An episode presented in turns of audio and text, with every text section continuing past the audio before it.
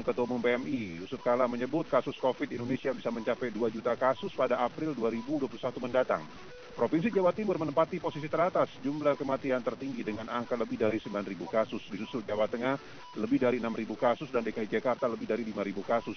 Di Jawa Barat angka kematian mencapai lebih dari 2.000 kasus sedangkan untuk perkembangan pasien yang sembuh lebih dari 1,1 juta orang. Namun Ikatan Dokter Indonesia menyebut masalah utama penanganan COVID di Indonesia memasuki tahun kedua ini masih soal banyaknya orang yang mengabaikan COVID-19 bahkan tidak percaya bahwa COVID itu ada.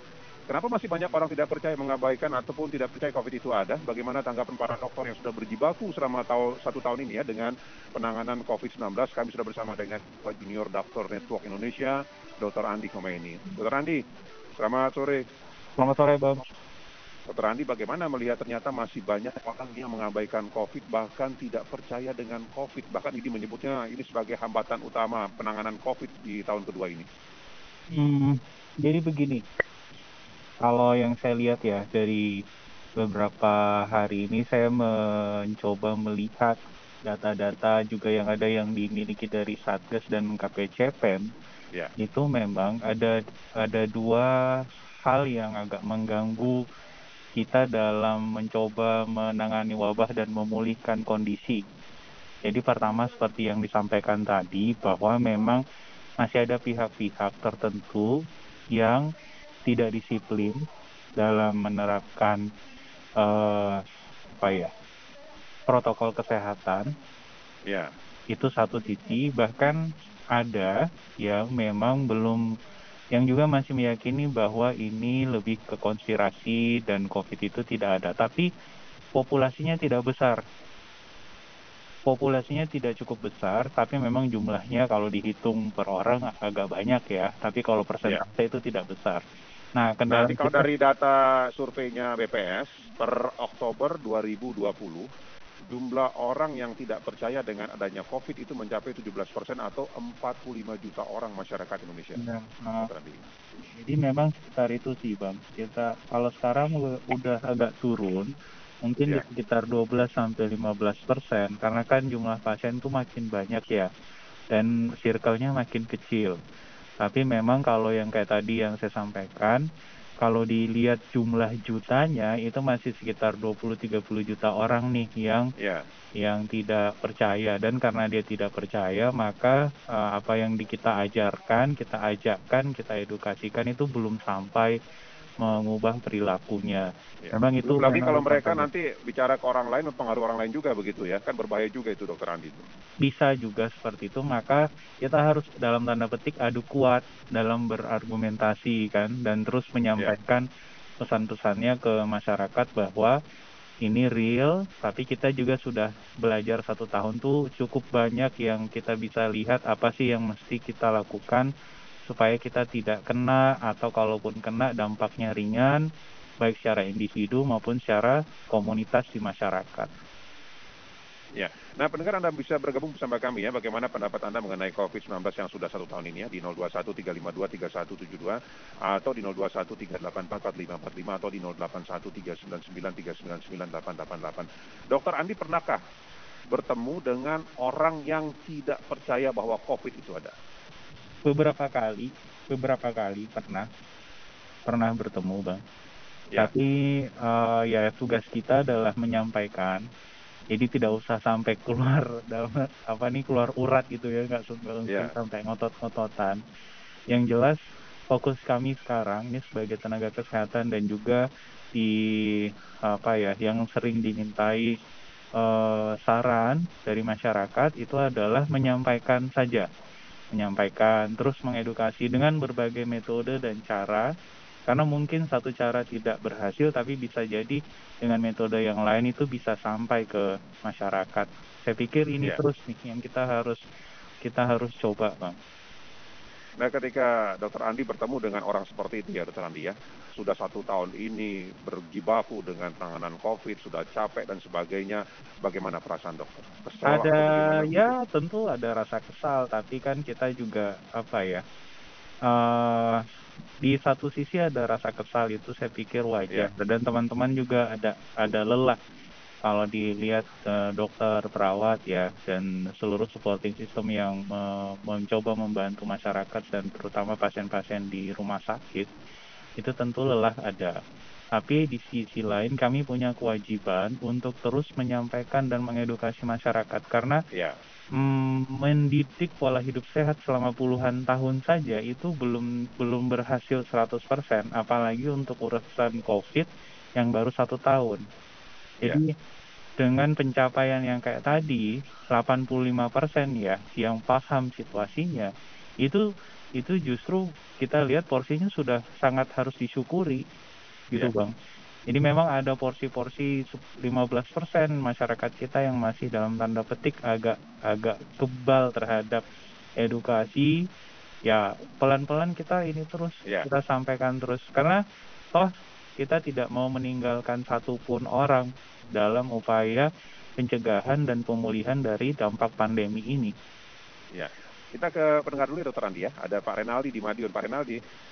Halo, selamat sore Bung Jenny. Silakan Pak Renaldi. Ada Dokter Andi bersama Pak. Selamat sore Dokter. Selamat sore Pak Renaldi. Ya, uh, anu, ini COVID sudah satu tahun. Saya kira masyarakat yang dari dulu uh, diatur untuk memakai masker, cuci tangan itu saya kira sudah saya kalau di pasar-pasar itu yeah. orang tuh nggak ada yang nggak pakai masker Bung Jenny. Semua pakai masker, bawa hand sanitizer. Kemudian sampai sekarang ini di RT RT itu sampai diawasi, diawasi. Tapi yang saya tanyakan kenapa eh, kok apa ya ini kalau ada berita dari luar ini Inggris ada begini ya. langsung yeah. begini kalau begini lah kalau begini terus nanti kan nggak selesai selesai dok dan ini apa ya seharusnya manusia itu kalau diciptakan Tuhan itu punya darah merah, darah putih yang nantinya darah apa putih bisa menyerang penyakit. Yeah. Kan biasanya seperti itu itu hilang sama sekali sekarang itu apa-apa dikovidkan, apa-apa dikovidkan seperti itu. Sekarang nggak ada DB, nggak ada batuk pilek, nggak ada. Begitu ya, Pak. Semuanya ya. COVID. Terima kasih. Terima Assalamualaikum. Waalaikumsalam. Ya, kita ke pendengar berikutnya Pak Sofian di Pekanbaru, Pak Sofian. Ya terputus dengan Pak Pak Sofian. Nah Pak Renaldi melihat sudah banyak orang pakai masker. Nah yang jadi masalah kita sekarang ini kan dokter Andi ya, apakah pakai maskernya sudah benar? Apakah maskernya sudah standar kan itu dokter masalahnya ya, sekarang ini? Benar Bang. Benar. Jadi tadi kalau yang disampaikan sama Pak Renaldi itu kita harus syukuri di satu sisi ya. bahwa masyarakat seperti yang saya bilang mayoritas masyarakat boleh saat dari 10 orang 9 8 sampai 9 orang itu itu sudah paham yang mesti dilakukan seperti apa. Secara dasarnya ya, seperti 3M. Karena kan kita udah campaign terus ini selama satu tahun. Ya. Mungkin yeah. masih ada satu atau dua orang dari 10 orang yang kayaknya masih belum abai. Eh, apa, masih abai ya. Nah, yeah. ini yang kita jadikan uh, upaya untuk terus dipersuasi dengan pendekatan segala macam pendekatan supaya mereka itu menjadi tergerak ikut e, berkontribusi dalam menyehatkan negara. Itu satu. Di sisi lain, benar yang disampaikan Pak Renaldi, kalau kita lihat ini kondisi, ini kan masuk tahun kedua dari COVID. Ya. Dibandingkan wabah-wabah 100 dan 200 tahun yang lalu, Pak, kondisi kita much more better. Ini jauh lebih baik. Jauh lebih baik. Kalau kita bandingkan dengan Spanish flu, dengan wabah hitam ya, yang uh, menghabiskan ratusan juta orang manusia di periode yeah. 1 dan 2 abad yang lalu. Dan itu bisa berlangsung 5 sampai 15 tahun. Kondisi kita di abad sekarang itu pemulihannya jauh lebih cepat. Semua orang tergerak mau dari Asia Afrika Eropa Amerika Australia semua uh, bergerak untuk uh, mencoba memulihkan. Dan termasuk di Indonesia dari Sabang sampai Merauke itu yeah. berkontribusi tugas kita memperbesar orang-orang yang tergerak untuk uh, menyehatkan diri dan keluarganya dan memperkecil mereka yang resistensi da dan apa ya menjadi konsumen dari infodemik yeah. disinfodemik ya menjadi uh, konsumen berita-berita yang ya. tidak betul yeah. begitu bang. Baik, dokter nanti kita ke pendengar dulu ada Pak Sudar di Solo ya, Pak Sudar. Ya. Halo Pak Sudar. Halo. Ya, silakan Pak Sudar. Halo. Iya. Dok. Iya. Ini dok. Jadi saya itu termasuk orang yang apa ya meyakini bahwa COVID itu penyakit yang ringan. Ya. Sehingga terus terserang saya keluarga itu apa dengan dengan urusan COVID. Bahkan di lingkungan saya sendiri itu kira-kira ada tiga RW. Tiga RW itu kehidupannya sudah setahun ini normal-normal saja dok. Tidak Jadi ada, nggak ada, ada protokol kesehatan atau apa begitu, Pak? Sudah. kalau di kampung itu tidak ada. Ya. Jadi orang datang bebas, orang keluar bebas, terutama itu di Solo arahnya pinggiran Bengawan Solo. Ya. Itu oh, kalau yang, yang lingkungan paling paling dekat itu tiga RW itu semuanya nggak nggak ada persoalan. Jadi ya tenang-tenang saja gitu. Ya. Terus terang, memang ada orang-orang sakit. Ketika orang sakit, ya gejalanya kayak COVID itu, tapi mereka di rumah ya akhirnya sembuh juga.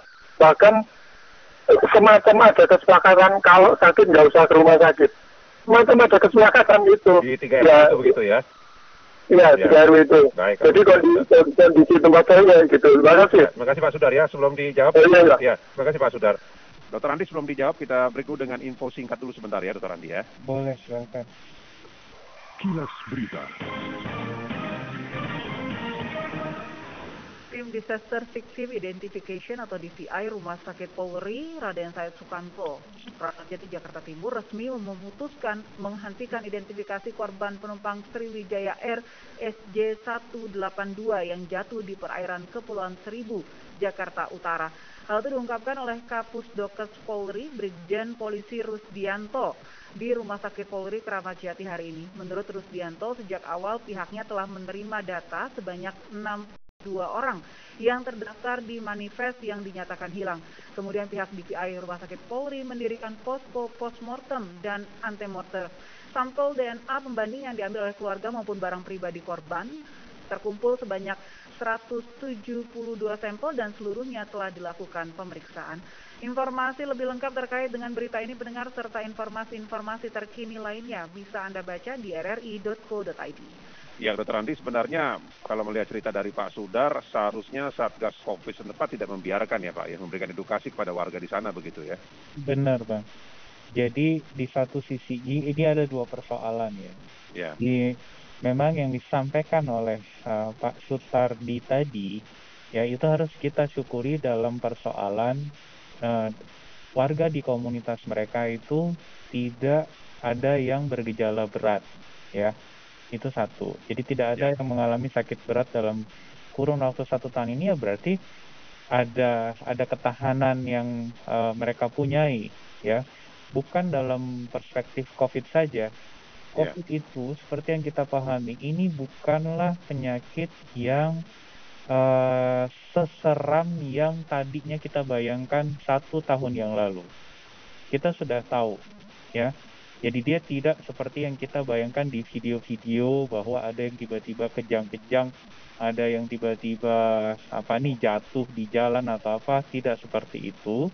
Tapi tidak seringan flu biasa kita juga paham situasinya. Nah, berdasarkan data-data yang kita punya sekarang, kalau uh, COVID ini itu kena dia ke mereka yang punya penyakit penyerta penyakit komorbid, maka dampaknya itu bisa lima kali daripada flu biasa. Ya.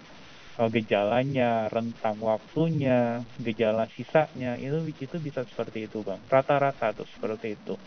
Jadi kita memang harus sampaikan ke masyarakat bahwa ini seperti yang disampaikan satu tahun yang lalu, itu saya sudah sering ulang-ulang, kita ti- tidak pada posisi panik, tidak pada posisi ketakutan, tapi juga Ya. tidak pada posisi abai. Kita itu berada di tengah-tengah nih, bertindak moderat dalam menyikapi kondisi ini. Jadi me- yang sehat kita optimalkan kesehatannya supaya kalau dia kena pun daya tahannya tuh jadi ini Ya. seperti tabungan, kalau tabungannya banyak, ada COVID datang, dia tidak rugi besar. Sebaliknya, mereka yang sedang dalam kondisi minus, kondisi kesehatannya, kalau di, anggaplah tabungan dia lagi berhutang, nah Ya. COVID ini menambah beban hutang itu. Nah orang-orang ini yang banyak di Indonesia, mungkin di kampung Bapak tadi, tidak banyak orang seperti itu yang neraca kesehatannya berhutang. Ya. Gitu tuh. Mungkin lingkungan mereka jaga jarak, rumahnya berjauhan, tidak padat seperti di kota, ya kan? Saya pernah ke Ya. Solo dan ke Jogja. Di beberapa kampung memang jarak antar rumah itu nggak dempet Jauh-jauh begitu ya. bisa puluhan meter baru ada satu Ya. rumah lagi, satu rumah lagi. Jadi eh mereka punya kualitas udara masih bagus. Ya. Jadi Tapi tetap harus ada edukasi ya kepada mereka Ya, dokter. tapi Ya. tidak bisa kita abai karena kalau Ya. satu kali ada yang kena suku ini semoga bukan di kampung siapa pun ya. Tapi kalau ada satu yang punya komorbid kena maka orang inilah yang kemudian nanti memiliki gejala cukup signifikan.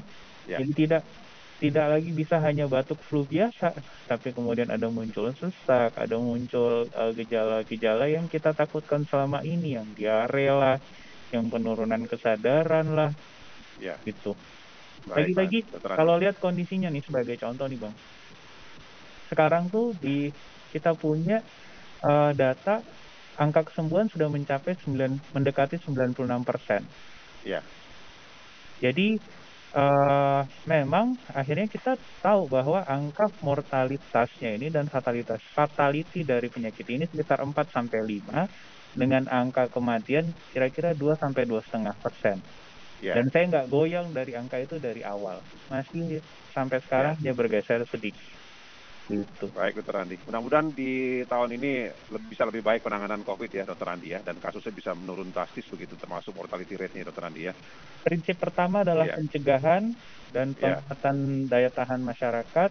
Yang kemudian kedua itu adalah perbaikan fasilitas kesehatan dan ini harus jalan berbarengan, Bang. Insya Allah dalam satu tahun ke depan kalau kita semua tetap kompak dan satu visi, satu arah untuk ini, maka saya perkirakan di bulan Agustus kita bisa mengendalikan wabah lebih baik. Ya. Dokter Andi, terima kasih banyak sudah bersama kami. Terima kasih. Semangat terus, Dokter Andi. Terima kasih, Selamat Bang. bertugas. Selamat sore, Dokter Andi. Sore.